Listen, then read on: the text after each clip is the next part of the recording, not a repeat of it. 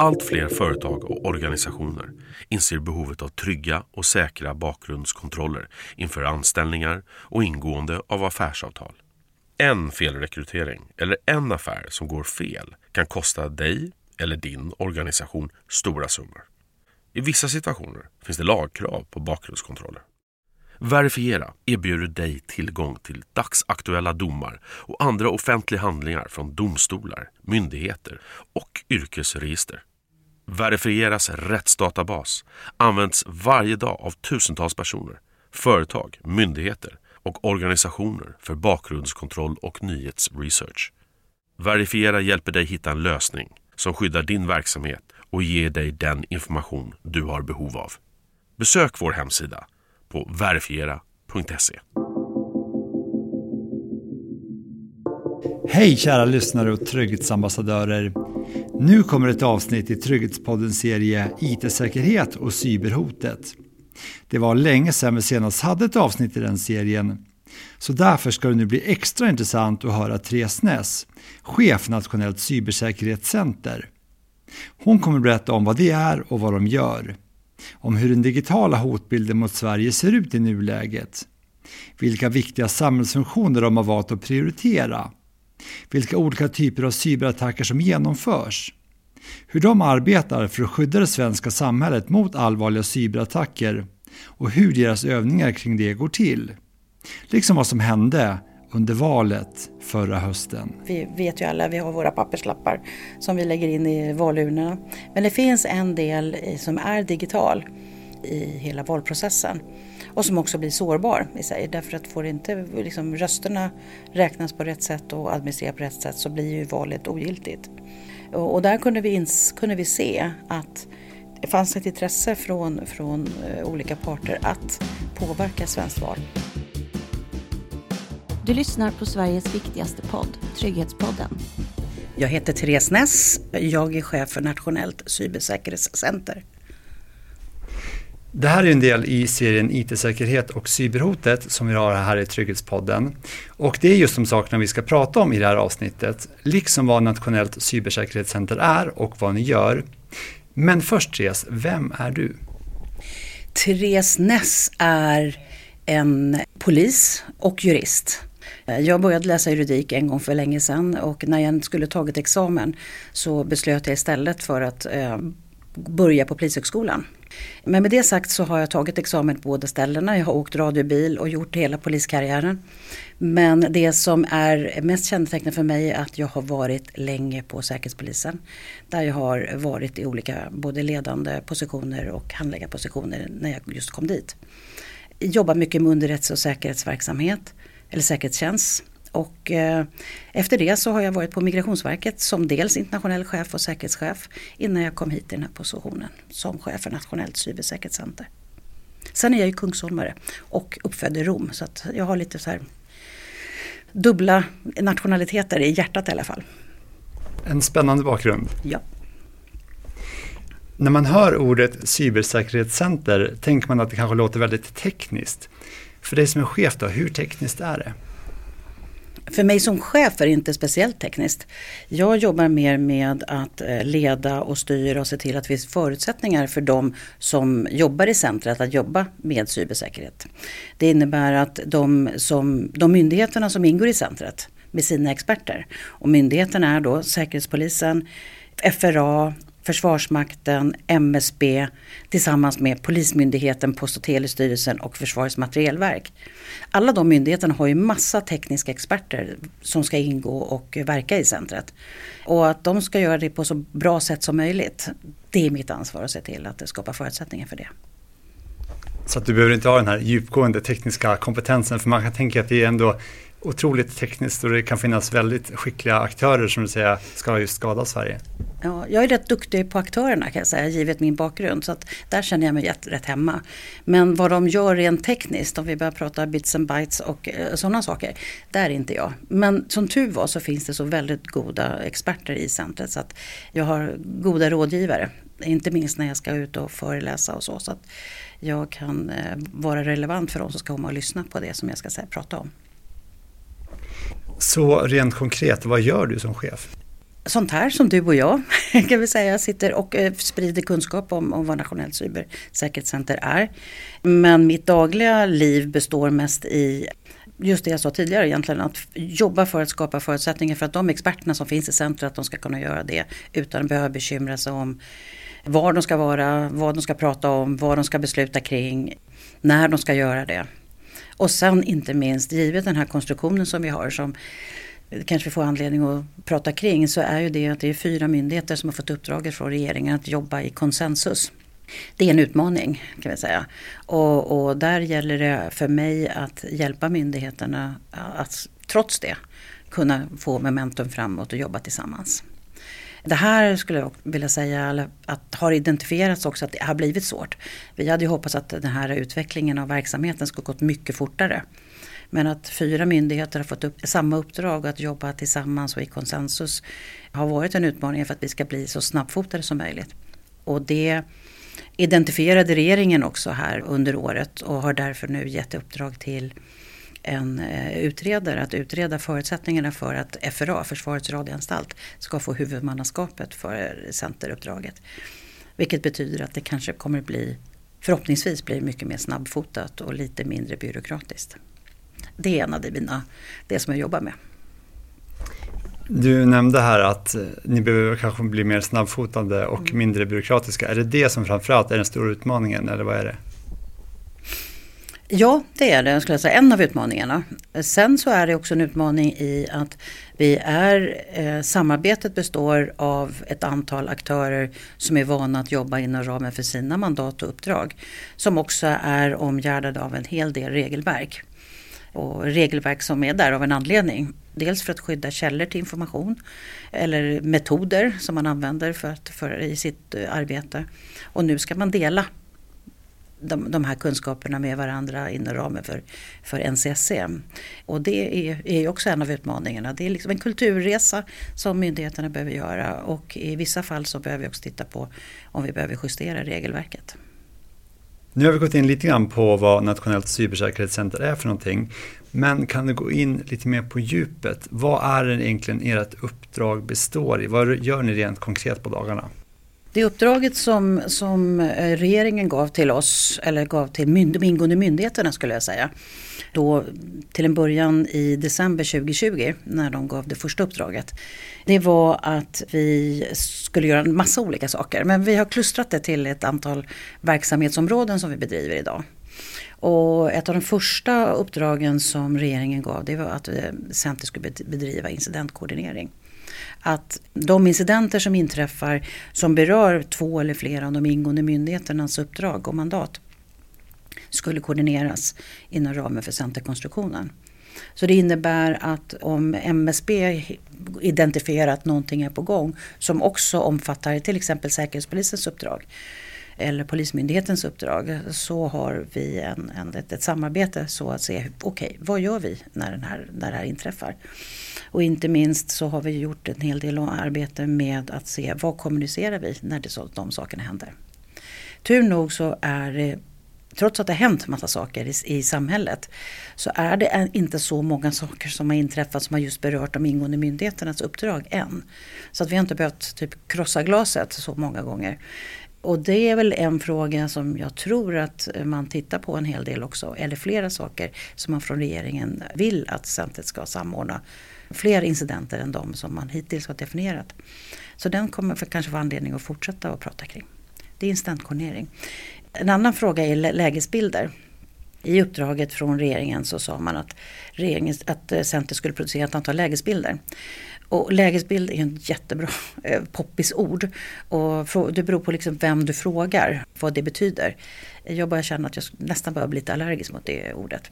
Men med det sagt så, så kan jag ge några exempel på det, vad, vad, vad vi menar med det. Och, och, där har vi framförallt regeringskansliet som vårt uppdragsgivare just nu. Där regeringskansliet vill känna och veta vad är det som händer på cybersäkerhetsområdet. Nu händer det en massa saker, vad betyder det? Är det farligt för Sverige? Och då eh, har vi nu producerar tre lägesbilder. Vi har en som vi ger e- varannan vecka till regeringskansliet. Där vi just berättar, det här har hänt, det här var, betydde så här. Det här var farligt, eller det här behövde ni inte, det blev massa fass men det var inte farligt för Sverige. Det blev lite grann som någon som har satt sig i någons reception och protesterat och sen försvann de efter ett tag. Det störde verksamheten men det var inget farligt permanent. Sådana analyser och sådana rapporter ger vi till, till regeringskansliet och sen kanske talar om att givet det här så ser vi att det här kanske kommer hända. Det här gör vi på två, i två nivåer. En gång bara så att liten, det här har hänt och, och med annan regelbundet får regeringskansliet veta lite djupare. Så. Och det sker lite mer sällan men vi gör lite för att lära regeringskansliet också vad, vad är cyberincidenter och vad är det som är farligt och vad betyder DDoS-attacker? Sådana saker. Sen har vi ambitionen, jag hoppas att vi här eh, inom kort kommer att kunna börja producera lägesbilder som är till för dig och mig. Men framförallt också för svenskt näringsliv. Så att svenskt näringsliv är våra och de skyddsvärda sektorerna är våra främsta målgrupper. Men jag hoppas att de delarna som vi producerar där ska kunna produceras även så att du och jag kan gå in på NCSs hemsida och säga okej, okay, hur ser det ut just nu? Det hoppas jag att vi kan se under, liksom, under i någorlunda närtid. Så det är den. Nu har vi tagit incidentkoordinering och vi har tagit lägesbild. Ska bara lite kort här. Svenskt Näringsliv det är alltså svenska företag då som mm. kan drabbas av det här? Ja, det är svenska det är företag. Just nu så är vi fokuserade på särskilt skyddsvärda sektorer. Och det är energisektorn till exempel, det är finanssektorn, transportsektorn som är ansvarig för att se till att vi har mat på bordet och att allting funkar. Och telekom som ju naturligt vet vi vad det svarar för. Och sen inte minst försvars och säkerhetssektorn. Så det är liksom de som vi just nu har fokus på. Men jag ser framför mig att vi har till exempel branschorganisationen Svenskt Näringsliv som är nog så viktig för svenskt välstånd. En annan grupp är stora statliga bolag som också liksom är viktiga för oss eller för svenskt välstånd och att Sverige ska rulla vidare. Som också ser som mottagare av de här. När jag börjat prata om den så är den tredje verksamhetsområdet som, som Nationellt cybersäkerhetscenter har eh, och som är egentligen den stora mervärde skulle jag säga med NCC. Och det är privat offentlig samverkan, extern samverkan. Där myndigheterna förut har jobbat var och en för sig med sina målgrupper. Men där eh, vi nu ser ett behov och regeringen också ser ett behov att vi jobbar tillsammans med andra sektorer, andra målgrupper. Så att eh, uppdraget är till NCSC att utgöra någon form av hubb ska säga, mellan de ingående myndigheterna, de som jag rabblade upp förut, och världen utanför om man får lite raljera. Dels de här sektorerna som vi har pratat om eh, förut, men också Svenskt Näringsliv. Eh, ja, det finns alla möjliga olika sektorer. Och där har vi, började vi med en pilot för ett år sedan med finanssektorn. De var väldigt mogna. De har klivit fram enormt bra skulle jag säga. Och lärdomarna, det var framförallt, eller bland annat eh, storbankerna som har klivit fram med stora steg och verkligen erbjuder sig, vi vill dela med oss till andra av vad vi kan. Men vi har, inte andra, vi har även de olika myndigheterna på finanssektorn och andra stora aktörer som BankID och Swish och ja, andra aktörer. Egentligen skulle jag säga ingen nämnd, ingen glömd så. Men det finns många duktiga som bidrar i det. Lärdomarna vi gjort från den, eh, det arbetet tar vi nu med oss till de andra sektorerna. Så att, som kanske har lite olika mognad på cybersäkerhetsområdet. Så vi kan se att vi hjälper de här olika sektorerna, inte bara att myndigheterna ger in, utan vi hjälper de olika sektorerna att hjälpa varandra på cybersäkerhetsområdet. Nu har tagit tre sektorer. Jag ska inte vara så långrandig men vi tar en fjärde. För vi, en sak som både MSB och Försvarsmakten är duktiga på och det är ju öva. Alltså vi kan ju hitta, göra massa byråkratiska strategier och policydokument och säga så här ska man jobba. Och så har vi lite duktiga tekniker och sånt där som kommer från de ingående myndigheterna som sitter och pratar. Men hur hjälper vi övriga samhället och hjälper oss själva att bli bättre på cybersäkerhetsområdet? Öva. Så att där har nu Försvarsmakten bestämt att alla de övningar på cybersäkerhetsområdet som har civil koppling kommer vi bedriva inom ramen för NCS istället. Eller tillsammans. Men de liksom pytsar in den där. Och även MSBs övningar på cybersäkerhetsområdet liksom integreras tillsammans med det här.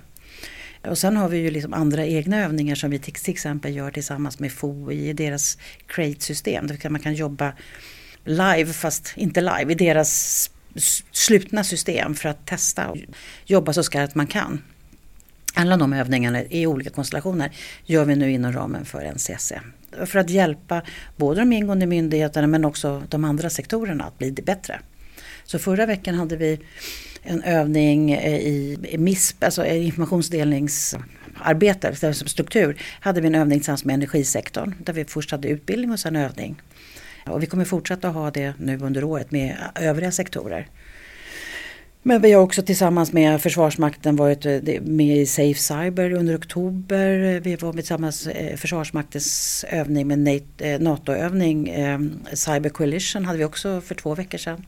Där vi övade tillsammans. Så att, ja, jag ser fram emot att vi fortsätter utveckla det här. Inte minst med Locked Shields som Sverige då har vunnit i flera år. Men att det där också NCC blir en del i den civila delen. Och för den som inte känner till Lockshields, vad är det för något? Om du pratar för Försvarsmakten så blir de e- enormt eh, stolta.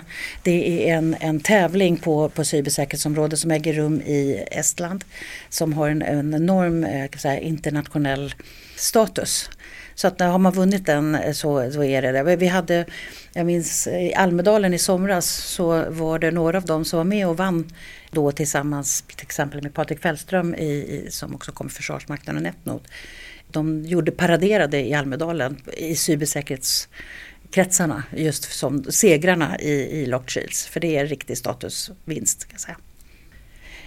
Du var inne lite här på FOI och eh, för er som lyssnar nu och vill höra mer om FOI och också se exempel på videor från den här eh, Create-modellen kan gå in på trygghetspodden.se och sen så letar ni er vidare både till avsnittet och sen till videon som ligger på vår YouTube-kanal. Jättespännande faktiskt att se hur det funkar. Just när det gäller de här övningarna då, som du har berättat om nu, hur går de rent konkret till? De övningarna som bedrivs inom ramen för Nationellt cybersäkerhetscenter har flera olika fokus. Det ena är att öva incidenter. Hur gör vi när det händer incidenter? Det är öva i större strukturer tillsammans, öva i samverkan. Öva i större samhällshändelser. Så det finns liksom olika, olika skiktningar det här. Alltså, dels öva i sin egen organisation, öva ett speciellt verktyg, öva sektorn. Eh, liksom beror lite grann vilket fokus man har och vilka som deltar i det. Och också vilken mognadsnivå som respektive sektor har, vad man behöver öva. För vi kunde ju höra i det avsnittet när det var två stycken hackare med i den här serien och pratade om hur de just gör den här typen av övningar då mot olika aktörer så att de inte ska råka ut sen för just attacker och så. Mm. Är det samma sak här att ni genomför faktiska attacker och sen så ska man försvara sig? Kan man beskriva det så? Ja, om du tittar på crate-övningarna till exempel så är vissa delar är det precis så. Och det finns andra delar där det är också faktiska attacker för att se vad är det som händer. Det blir simuleringsövningar. Så man ser vad är det som händer. Och sådana övningar kan ju vara för, för de som är IT liksom teknikerdelen så blir det verkligen att sitta där och då och se vad det är som händer. Men det finns ju andra som behöver övas också. Det är sådana som, som jag, beslutsfattare. Då behöver det inte vara så mycket teknik. Då får du en massa andra inspel och säger nu händer det här. Och nu ringer han och då berättar de att det här händer. Och då ska du, du som chef öva sig. Vilka beslut behöver jag fatta för att det här ska funka? Vilka, vilka, hur kan jag hjälpa min IT IT-struktur och min IT-chef att han ska, eller hon ska kunna funka bättre? Så det finns lite olika nivåer. Men visst är det så. Det finns både attackövningar och, eh, och simuleringsövningar. Och simuleringsövningar kanske är av lite mer torrare natur. Kan vi säga. Om vi hoppar tillbaka lite grann till det här då med antal incidenter. Du sa mm. att det var ganska få. Alltså, hur många ungefär är det per år? Det är fråga om att säga, jag, jag, har nog inte några siffror för det är ganska få som rör de ingående myndigheterna. Men jag skulle säga att eh, nu har det nog varit mindre, mindre än två händer som har varit. Men med det sagt skulle jag säga att det, det speglar ju inte incidenterna på, eh, på samhällsbasis. Därför att vi tittar utifrån världen och utvecklingen som har varit senaste året i världen med det som har hänt både innan eh, händelsen i Ukraina och sen vad som har hänt därefter så ser ju vi ett ökat antal cyberincidenter i Sverige. Cyberincidenter av olika kaliber då kan vi säga. Så att jag tänker inte säga num några numerärer utan, men vi kan konstatera att de som rör de ingående myndigheterna de är relativt få för, i förhållande till hur många cyberincidenter vi ser i samhället. Så. Och hur många är ni som arbetar här? Det, alltså vi kan väl säga att uppdraget från, från, från regeringen var ju att myndigheterna skulle ta med sig sina experter in i centret. Och de som sitter i centret som experter, de kommer och går skulle jag säga lite grann. De har sin tjänst både på hemmamyndigheten och i här. De som har permanent som sitter här det är ju de som sitter och samordnar och planerar och bokar och talar om om det är juridiskt giltigt eller inte. Inte så, så, de är superduktiga men kanske inte så heta på cybersäkerhetsområdet om man får säga så. Men om vi tittar när vi har samlingar på, hos oss så har vi legat, de som jobbar 10% eller 100% så har vi kanske samlat ett 90-tal kanske på totalen. Men då ska man ju säga att då är det 90 som på något sätt jobbar i cybersäkerhetscentret. Några på 100% och några på mindre. Och för att få en bild av de som just är duktiga på det digitala IT-biten, när de är här och jobbar, så rent konkret, vad är de här på dagarna då? Vi tittar våra, de eh, experter som sitter och pratar incidenter. De sitter och berättar vad de ser utifrån sina perspektiv, lägger upp det på bordet och ser okej okay, vad betyder det här för Sverige? Om man säger så. Därför att det kan vara viktigt för deras myndighet men inte viktigt för en annan. Framförallt så är det viktigt att se, ser vi samma sak? Där eh, man kan ju ha olika källor. Man kan ha så här, så, och sen ser vi samma sak och vad betyder det? I rummet här bredvid, bara nästan vägg i vägg, så sitter det just nu eh, några och talar om förra veckans lägesbild. Var den bra? vad kunde vi gjort bättre? Speglade den liksom rätt vad vi ville spegla? Och vad vill vi ta med oss till nästa, nästa gång? Vad är det som vi får med oss? Så att det är inte så himla mycket just nu och jag vill säga så här att det som är riktigt känsligt det kommer du aldrig se i de här lokalerna. Därför om du tittar på, på det, det som är kopplat till särskilda system som är särskilt känsliga. De kommer vi inte dra in i de lokalerna du och jag sitter i just nu utan de, de, de finns någon annanstans. Så att de tekniker som jobbar är riktigt känsliga de sitter på hemmaplan och sen tar de med sig saker och ting i huvudet och säger det här har vi sett på mötena i valda delar. Okej, okay, för man kan ju tänka att det finns en massa datorer och stora skärmar och allting men de är inte här alltså? Det finns en massa datorer och särskilda skärmar men de är mer för att samla det som, som man tar med sig. Inte för att ha direkt access i den därför att det rör så pass mycket känsliga saker och lämnar öppet för, för andra som skulle kunna vara intresserade av den informationen att eh, hämta den här. Lyssnarna har ju tidigare i den här serien kunnat höra hur medverkande från flera olika myndigheter ser på den digitala hotbilden mot Sverige. Till exempel då de som finansierar cybersäkerhetscentret som du var inne på då, FRA, Försvarsmakten, Säpo och MSB. Men det var ju faktiskt över två år sedan som det senaste avsnittet i den här serien kom ut och det har hänt mycket sedan dess. Så hur ser den digitala hotbilden ut mot Sverige i nuläget? Ja, vi har ju sett senaste året skulle jag säga. Eh, det är svårt att bara säga en hotbild rakt upp och ner. Man måste sätta det i sin kontext. Och, och jag vill kanske se att vi har haft ett ökat antal incidenter. Alltså, de beror på en viss på hotbilden. Och vi kan väl börja med Ukraina. Ukraina började i och för sig inte 24 februari förra året och det vet ju många av lyssnarna också. Utan att där pratar vi om sedan 2014. Men vi såg i alla fall att händelserna den 24 februari förra året medförde ett stort antal cyberangrepp.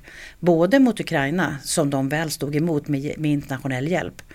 För det var ju inte så att det, de inte drabbades. Utan de var utsatta för mycket men de fick mycket hjälp att stå emot och de var också väl förberedda och tränade. Apropå träning och att man måste träna. Där ökade en del av hotbilden därför att de som stöttade Ukraina stöttade Ukraina till ett pris av en hotbild också. Kan vi säga. Av en, den andra aggressiva parten. Sen har vi NATO-medlemskapet. Det är nog ingen som missat det. Och att vi har ju då, Sverige har sökt NATO-medlemskap men har stått på patrull både hos Turkiet och andra. Det är kopplat med de koranbränningar som vi så har sett under året och även de historier om att socialtjänsten och tvångsomhändertar barn i sitt LVU-arbete eller om tvångsomhändertar muslimska barn har ju skapat en, en situation där man använder den digitala arenan som en arena för att uttrycka åsikter. kan vi säga. Det har också skapat en hotbild mot Sverige och svenska intressen och det ser vi att det har uppkommit massa saker som har uppkommit som följd av det. Sen inte minst så har vi den situationen som vi har sett nu, som vi har sista, sista halvåret, eller sista månaderna. Nu idag är det ju december och för två månader, 7 oktober, så såg vi där eh, Hamas gick in i Israel. Händelsen därefter har ju också skapat en, en situation som vi befinner oss i, både nationellt och internationellt. Så med det, den här, den här soppan, förut pratade vi ju om en hotbild och en, en, ett perspektiv. Men idag har vi lite grann av en perfekt storm skulle jag säga vad gäller de olika delarna. Så att det finns mycket som händer. Flera delar är ju som ett, en hotbild som är kopplad till en vilja att uttrycka sin åsikt via cyberincidenter, cyberattacker kanske ska säga, även fast det låter väldigt militärt. Och där är det kanske en del av hacktivism som man säger. Man uttrycker sin åsikt genom att utföra ett antal saker. Men vi ser också statliga aktörer som vill påverka Sverige på olika sätt. Man kan göra det då genom direkta attacker. Eller man kan göra det by proxy genom att man låtsas att man är en aktivist eller går igenom olika, använder andra metoder. Med det här sagt så ska jag säga att det blir också allt svårare för de ingående myndigheterna att berätta exakt eller bestämma exakt vilka aktörerna är. Just därför att det är ett sånt ehm, ett samhälle idag där du kan gömma dig, och gå i flera led på den digitala arenan. Så att det blir allt svårare att attribuera som man säger, säga vem det är. Men man kan se ett antal olika händelser som händer som en följd av ett antal internationella händelser. En sak som lyssnarna kanske undrar när du nämner här Ukraina och de här cyberattackerna som Ryssland genomförde då, både inför och mm. under attacken. Har du något exempel på vilken typ av cyberattacker de genomförde mot Ukraina? Man gick emot jag ska inte gå på detalj, men, men man gick emot ett antal officiella organ där man försökte gå mot saker som var kopplade till nationella infrastrukturen. Man försökte också gå mot den digitala infrastrukturen eh, vilket gjorde att man försökte minska Ukrainas förutsättningar för att kunna fungera. Och Ukraina som har gjort en digital resa så var att allting var så digitalt orienterat. Men med det sagt så hade ju Ukraina gjort sin läxa tillsammans med aktörer som, som är kopplade till, till flera länder kan vi säga. De har gjort sin läxa tillsammans så att de kunde lyfta ut sina system från, så att de inte kunde skadas av den andra statens angrepp. Men den, både den fysiska struktur, infrastrukturen och den digitala infrastrukturen utsattes för försök till attack. Kan säga. Om vi hoppar tillbaka till Sverige då. Vilket eller vilka av de här hoten som du har pratat om nu bedömer ni vara störst eller värst? Svårt att gradera dem på bara störst och värst. Så. Men jag får säga att det finns ett antal. Det som har vunnit mest uppmärksamhet i media är ju inte det som är värst skulle jag säga. Men det har varit stökigt för, för många eh, och det var det under våren. Och det var det som också oro, oroade många, de alla DDoS och överbelastningsattackerna som vi, som vi eh, blev utsatta för. Men det var ju överbelastningsattacker som kunde vara som ett led i någon form av opinionsyttring. Eller det var andra delar för att vara utsatta för att störa.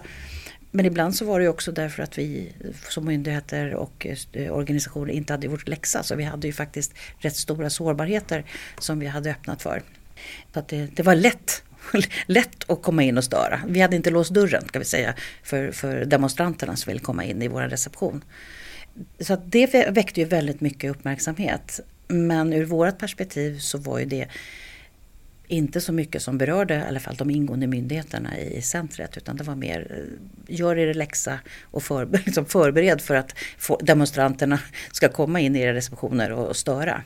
Det förstörde inte väldigt, eh, vet, det finns väl något, några få undantag men det var ingenting som förstördes för organisationer och andra. Men det som jag tror att som vi ser allt mer det är ju ransomware-attacker. Vi ser att det, jag menar, det utvecklas ransomware, liksom, det är ju idag betydligt mer lukrativt än drogkriminalitet till exempel. Och i alla fall cyberkriminalitet är mer lukrativt än, än drogkriminalitet. Så det är ju så tusan att man väljer, och väljer att satsa på det om man är en kriminell organisation. Jag skulle säga att vi ska återkomma till vad ransomware är också och en aktuell fråga just när det gäller ransomware. Kort kan man ju bara säga att det är att man i princip tar gisslan, att man låser fast filer för ett företag eller organisation och sen kräver man ersättning för det, för att låsa upp dem. Ja, Idag så, vi har ju en, en, organisation som har gått ut idag, eller har gått ut i dagarna, som är utsatta för just det. Som också har valt att inte betala ransomware, vilket är en, en väldigt bra åtgärd skulle jag säga ut, utifrån det. Men där är det mera polisiärt, nu uttryckte jag mig från polisens sida istället. Hur som helst, vi pratade om ransomware. En del som jag skulle vilja lyfta fram som är en grupp som inte väcker så mycket uppmärksamhet men som är väldigt mycket pengar kopplade till. Och vi pratar om de stora bolagen och de stora bolagen skyddar sig mot ransomware. De blir utsatta för det men de, och berättar inte för det för det är liksom av marknadsskäl att man inte berättar om det. Men där finns det i alla fall lite muskler. Men den lilla gruppen, stora gruppen som inte har så mycket muskler men mycket pengar, det är faktiskt våra äldre. Idag så har vi många som utnyttjar äldres mognad eller inte mognad på cyberområdet. I och med att alla är digitaliserade. Och det är inte, det är inte så sexigt så, men det, det finns väldigt mycket pengar att få. Och när vi pratar om cyberkriminalitet och de äldre som idag har SPA. vi min, vår generation är ju belånade. Alltså vi har, ju, vi har inte så mycket pengar kanske i ladorna. Men våra äldre generationer har pengar i ladorna att faktiskt kunna lösgöra genom att bli lurade på cyberområdet. Och den, den delen av, av cyberkriminalitet är ofta inte så mycket som man pratar om. Och vi pratar om mycket pengar så är det faktiskt att, att man skulle inte tro att det var så mycket pengar att kunna få utav, utav de här mer sårbara grupperna. Sen har vi massa annat. Om man tittar utifrån, gör en internationell utblick så kan vi säga att ur ett europeiskt perspektiv så är idag ransomware ligger relativt högt. Men vi ser också att det finns ett antal delar där man lyfter fram just den här delen att man utnyttjar de sårbara grupperna som någonting som är up and coming. Där vi kommer behöva göra rätt mycket som kanske inte bara internationellt cybersäkerhetscenter men vi som samhälle kommer behöva göra. Tidigare i den här serien, IT-säkerhet och cyberhotet, har vi här i Trygghetspodden, till exempel med MSB, pratat om viktig infrastruktur som kan utsättas för attacker, som elförsörjningen, livsmedel, de finansiella systemen med banker, betalningssystem med mera, transporter och så vidare. Och det här var du inne på tidigare också. Sen finns det också alla stora företag och industrier, dricksvattenförsörjningen, reningsverk och så vidare. och så vidare. Vad bedömer ni här på Nationellt cybersäkerhetscenter skulle vara allra värst om det slogs ut i en stor cyberattack?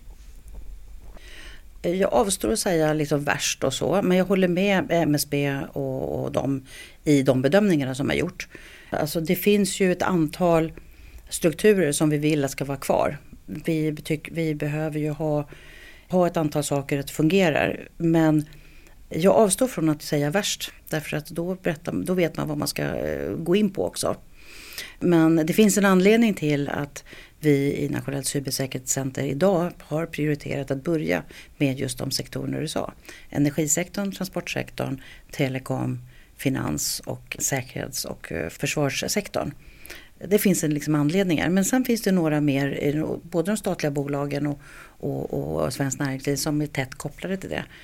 Men det är väl lite grann eh, det finns väl några delar som kanske skulle kunna utgöra en perfekt storm.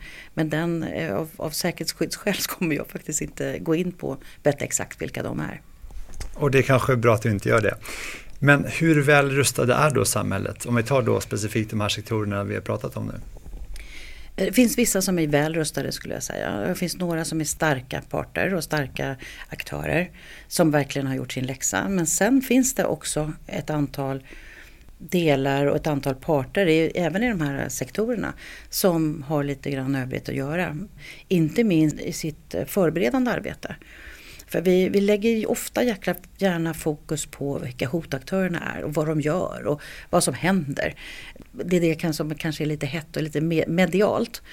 Men, men eh, det som är viktigt för respektive sektor och respektive företag det är att identifiera vad är det jag, just jag, inte vill bli av med. Vad är mina nu pratar jag ett engelskt ord, men, men ett core values. Vad är mitt, mitt grunduppdrag, mina grundgrejer som jag för att kunna bedriva måste behålla och vara rädd om. Det är det liksom den stora skatten som jag har, som jag måste skydda. Sen finns det massa annat jox som, jag kan, som är nog viktigt, men jag kan liksom återställa det. Men om jag har identifierat det och sen har jag identifierat mina sårbarheter. Har jag gjort alltihopa och skapat en struktur för att jag ska kunna skydda mina core values och kanske också de andra grejerna. Men det viktigaste, det som jag behöver skydda. Vet jag vilka sårbarheterna är? Sköter jag mina uppdateringar? Det är allt det här eh, hygienen, cyberhygienen, sköter jag den?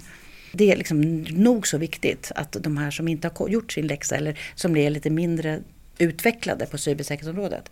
Börjar man där istället för att titta runt vilka är aktörer. Oj, nu kanske aktören X, Y, Z utsätter mig för något. Gå hem och titta, titta se har jag, har jag förutsättningarna. Det är där jag tycker man ska lägga fokus. Egentligen alla bör göra det, även om det är den stora starka parten. Men den stora starka parten kanske tittar sig i spegeln och säger check på alla de här boxarna och då kan han kanske lägga fokus på någonting annat. Men, eh, men även de som inte är lika duktiga behöver göra det. Just när det gäller det här som är särskilt skyddsvärt så kan man höra mer om det när Säpo var med i just den här serien och berättade om de delarna. Utifrån då det här med särskilt skyddsvärt, vad skulle du säga, vad är det absolut viktigaste som skyddas i samhället från er? Det var ju intressant. Just vi som särskiddar särskilt. Jag vill inte säga att vi hjälper till att påminna organisationer och företag att de ska göra sitt eget arbete. För vi har ju inte eh, det finns ju kanske några av myndigheterna inom ramen för sina särskilda uppdrag kanske har några pinpoint-delar de kan identifiera. Men om man tittar ur ett systemperspektiv och NCSC så är det vårt uppdrag att tala om för organisationer att har, har du identifierat, vet du vad som är identifierat, vad som är mest skyddsvärt? Därför att det är svårt att för, för oss utifrån någon IT-expert kunna identifiera det. IT-experten kan se att här har du en sårbarhet men det kanske beror på för att du inte har gjort dina uppdateringar och i, i, hittar ett hål i ditt system. Men det som är mest skyddsvärt det vet ju bara du. Du vet ju liksom vad du behöver göra och vad som är vad, om du tappade det, vad det skulle betyda. Och sen när man pratar om, man har det mest skyddsvärda, så måste man tänka efter, har jag möjlighet att återskapa det? För tänk om du har en sårbarhet där någonstans som du inte har backup på. Bara en liksom tanke på det. Och du har en backup på det. Och har du en backup på det, har du testat att du kan återföra det in i systemet också. Det är, det är lite lärdomar vi kan göra, dra från andra som har fått uppleva det live. Om folk som lyssnar nu börjar oroa sig för att det ska ske stora attacker mot Sverige, vad skulle du säga till dem? Ja, stora attacker bör man, bör, måste man definiera. Stora attacker är ju DDoS, men det klarar vi av som samhälle. Det behöver man inte vara orolig för. Vi kan också vara säkra på att de flesta av de stora aktörerna på cybersäkerhetsområdet gör sina läxor. De flesta stora aktörerna vet att hitta vad, vad som är mest värdefullt att skydda. Och de gör också ett arbete för att förebygga eventuella attacker. Med det sagt så, så lever vi i ett digitalt samhälle. Vi lever med sårbarheter. Och eh, även du och jag måste ta, göra vårt till att skydda svenskt samhälle genom att inte trycka på länkar som gör att vi skapar öppnar upp för, för olika attacker att äga rum. För det kanske blir våra datorer som används i en sån stor attack. Men jag tycker inte man ska vara jätte... Alltså, vi lever i ett digitalt samhälle. Vi kommer inte kunna backa. De stora aktörerna gör det de kan. Och vi skapar förutsättningar så mycket vi kan för att hjälpa de små aktörerna att bli bättre på cybersexområdet. Som chef då för Nationellt cybersäkerhetscenter med det här stora ansvaret som det här måste innebära ändå. Hur sover du på nätterna? Jag sover rätt gott tycker jag. Jag har en, i mitt uppdrag en utmaning i just det som jag sa tidigare att eh, vi är många som ska samverka i det här uppdraget. Jag hoppas på att året kommer innebära att vi får lite mer tydlighet i det. Jag eh, känner mig trygg i att vi jobbar så hårt vi kan för att skapa förutsättningar för att hjälpa andra att bli mer cybersäkra. Jag är också trygg i att vi kommer bli ännu bättre under 2024. Men jag sover rätt gott, tycker jag. Och det är skönt. Det är viktigt att du är pigg och utvilad också. Ja. Utifrån det här då, om det skulle ske någonting, att det blir en stor attack som utförs mot Sverige, vad gör ni här då? Eh, det finns två olika varianter. Det beroende på vad som händer i krig eller annat. Eh, och liksom vilken form av attack det är. En attack skulle innebära, kanske innebära att alla de IT-experterna som vi har eh, och tekniker och andra behövs i olika uppdrag i det på hemmamyndigheterna också. Och då har vi, vi en dialog tillsammans med våra uppdragsgivare och ser var ska resurserna ligga någonstans. Men om vi tittar utifrån regeringen och deras uppdrag så har ju de också en eh, förväntan att det är just när det händer den stora attacken som de ska få, få det stöd de behöver och de analyserna de behöver för att bedöma IT-attacken eller vad det nu må vara för någonting. Så det finns två scenarier och den bedömer jag tillsammans med den strategiska ledningsgrupp som jag har och ingår i. Vilk, vilket vägval man gör. Så har ni ett så här, som man ser på film, situation room, att ni går in där och sen låser ni in er och sen så går ni inte ut där förrän liksom stormen är ute. Vi har ett situation room här inne. så. Men det finns, eh, som jag sa förut, så har vi liksom, beroende på vilken teknik man behöver, så kan det behöva att man också är på andra ställen än just i de här lokalerna som vi befinner oss i. Nu sa du tidigare att det inte varit så många incidenter, men har du något exempel på något som har hänt här under din tid på cybersäkerhetscentret som du kan berätta om, som sticker ut? Inte något sån där hotshot attack så, men jag skulle säga det arbetet som vi bedrev under valet.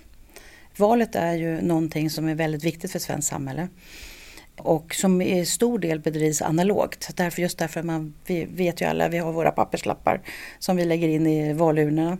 Men det finns en del som är digital i hela valprocessen och som också blir sårbar i sig. Därför att får inte liksom, rösterna räknas på rätt sätt och administreras på rätt sätt så blir ju valet ogiltigt. Och, och där kunde vi, ins, kunde vi se att det fanns ett intresse från, från eh, olika parter att påverka svenskt val. Och där satt vi tillsammans med alla som var inblandade i valprocessen och jobbade, både jobbade tillsammans men också agerade på de incidenterna som, som var.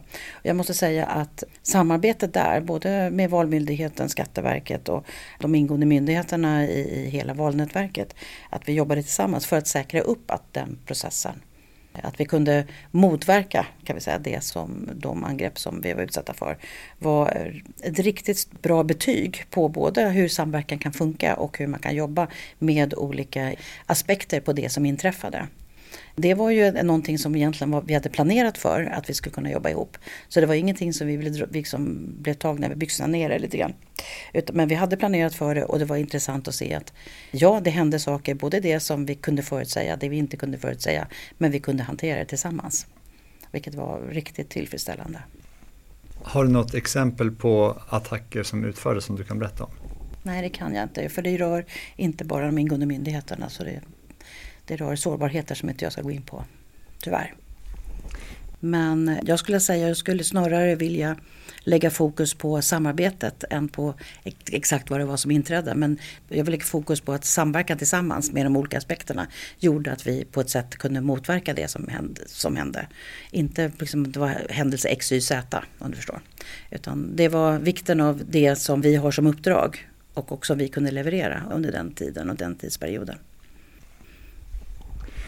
Vi var inne tidigare på det här med ransomware-attacker och vi ska komma in lite grann mer på det. För just i detta nu så pågår det en ransomware-attack mot Svenska kyrkans verksamhet. Och det påverkar allt från deras kontorsarbete till genomförande av begravningar med mera, med mera.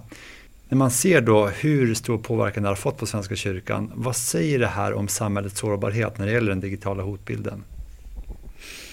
Eh, just eh, det, Svenska kyrkan har ju gått ut med officiellt att de har blivit utsatta för en ransomware-attack där de har blivit utsatta liksom för malware i sitt system som har gjort att de har fått stänga ner alltihop och börja från början och rensa ur.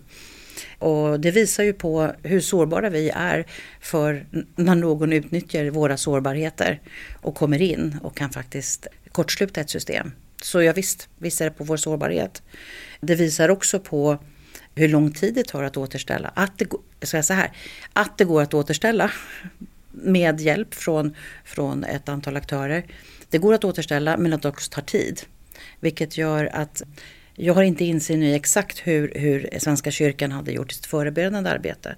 Men jag skulle vilja liksom visa på vikten av att man faktiskt gör sin förberedande läxa. Att man ser till att man har gjort, identifierat sina sårbarheter, det mest skyddsvärda. Man ser till att göra en bedömning från, från ledningshåll. Att, att är vi beredda på att pröjsa betala för det förebyggande arbetet eller vill vi betala för eh, det efterarbetet för att återställa alltihopa. Med det sagt så gör jag ingen bedömning av Svenska kyrkan för jag saknar insyn exakt i detaljerna där. Men jag skulle vilja liksom lägga lite betoning på eh, vikten av att man gör bedömningen innan. När jag pratar med, med företagsledningar och, och organisationschefer så brukar vi just prata om det där. Att du måste som organisationschef, du kan inte bara lägga allting på din IT-chef och tänka att eh, han, han eller hon sköter det här. Utan du som chef måste göra bedömningen. Har jag processer för det hela? Har jag säkerställt att IT-funktionen har förutsättningar för att, att jobba säkert och eh, skapa förutsättningar för att vi skyddar oss mot IT-attacker? Och vet mina användare om hur de ska bete sig i våra strukturer? Liksom så. Och inte minst budget. För att du som chef blir utsatt, jag tänker på verksamhetschefen. Du måste ju, när du blir utsatt för någonting så måste du ju besluta om du ska betala eller inte. Då är du nog lite ledsen för att du inte gjorde, kanske betalade innan. Istället för de kostnader du måste betala efteråt. Och då menar jag inte ransomware-ersättning utan återställningskostnader. Jag såg så sent som idag att eh, MSB hade varnat kyrkan för att det fanns en risk där att i deras system men att ändå kunde det genomföras. Är det här någonting du kan bekräfta? Hur har det i så fall påverkat? Liksom att lyssnar organisationer på de varningar de kan få från er? Ja, nej men eh, CERT-SC och MSB de, de, de varnar ju löpande. Jag kan inte verkligen bekräfta eller förneka det. Men eh, visst är det så. de, de publicerar ju varningar. Ibland så tar man det på allvar, ibland så väntar man lite för länge. Och man ska ju veta att får man en varning om olika sårbarheter som, som finns så har man ju en viss tid på sig att agera. Och har man inte gjort det så är man ju tänkbart mål för, för de här eh, attackerna alltså som kan komma som en följd av sårbarheterna. Så jag skulle rekommendera alla att följa CERT-SCs rekommendationer och även deras informationer som de publicerar löpande. Om vi går tillbaka till det här då med just ransomware så Polisen Jan Olsson medverkade i avsnitt nummer 80 av Trygghetspodden och pratade just då och beskrev mer om vad det här med ransomware-attacker är och hur det går till. Och då sa han också i det avsnittet att det även inte bara är, för man tänker att det kanske är mest kriminella som håller på med det här, men att det även är statliga aktörer. Och då sa han ett land långt österut som bland annat finansierar sin vapenindustri genom ransomware-attacker utan att säga exakt vilket land det är. Men just när det gäller hotbilden då från statsaktörer utför de också sådana här ransomware-attacker för att få in pengar?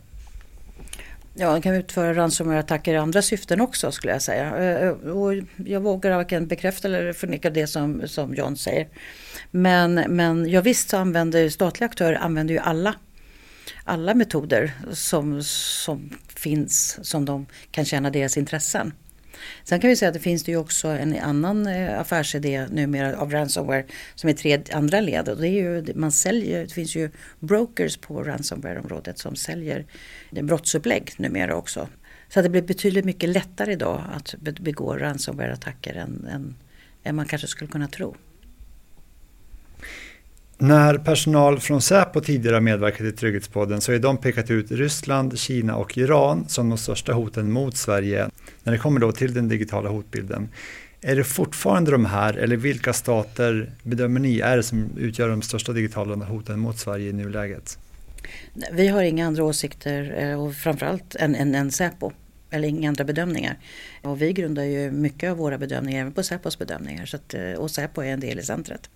Så att vi är totalt eniga där. Jan Olsson sa inte ordagrant just Nordkorea när han pratade om ransomware-attacker. Men det var inte så svårt att räkna ut vad han syftade på. Så hur ser hotet ut från Nordkorea mot Sverige?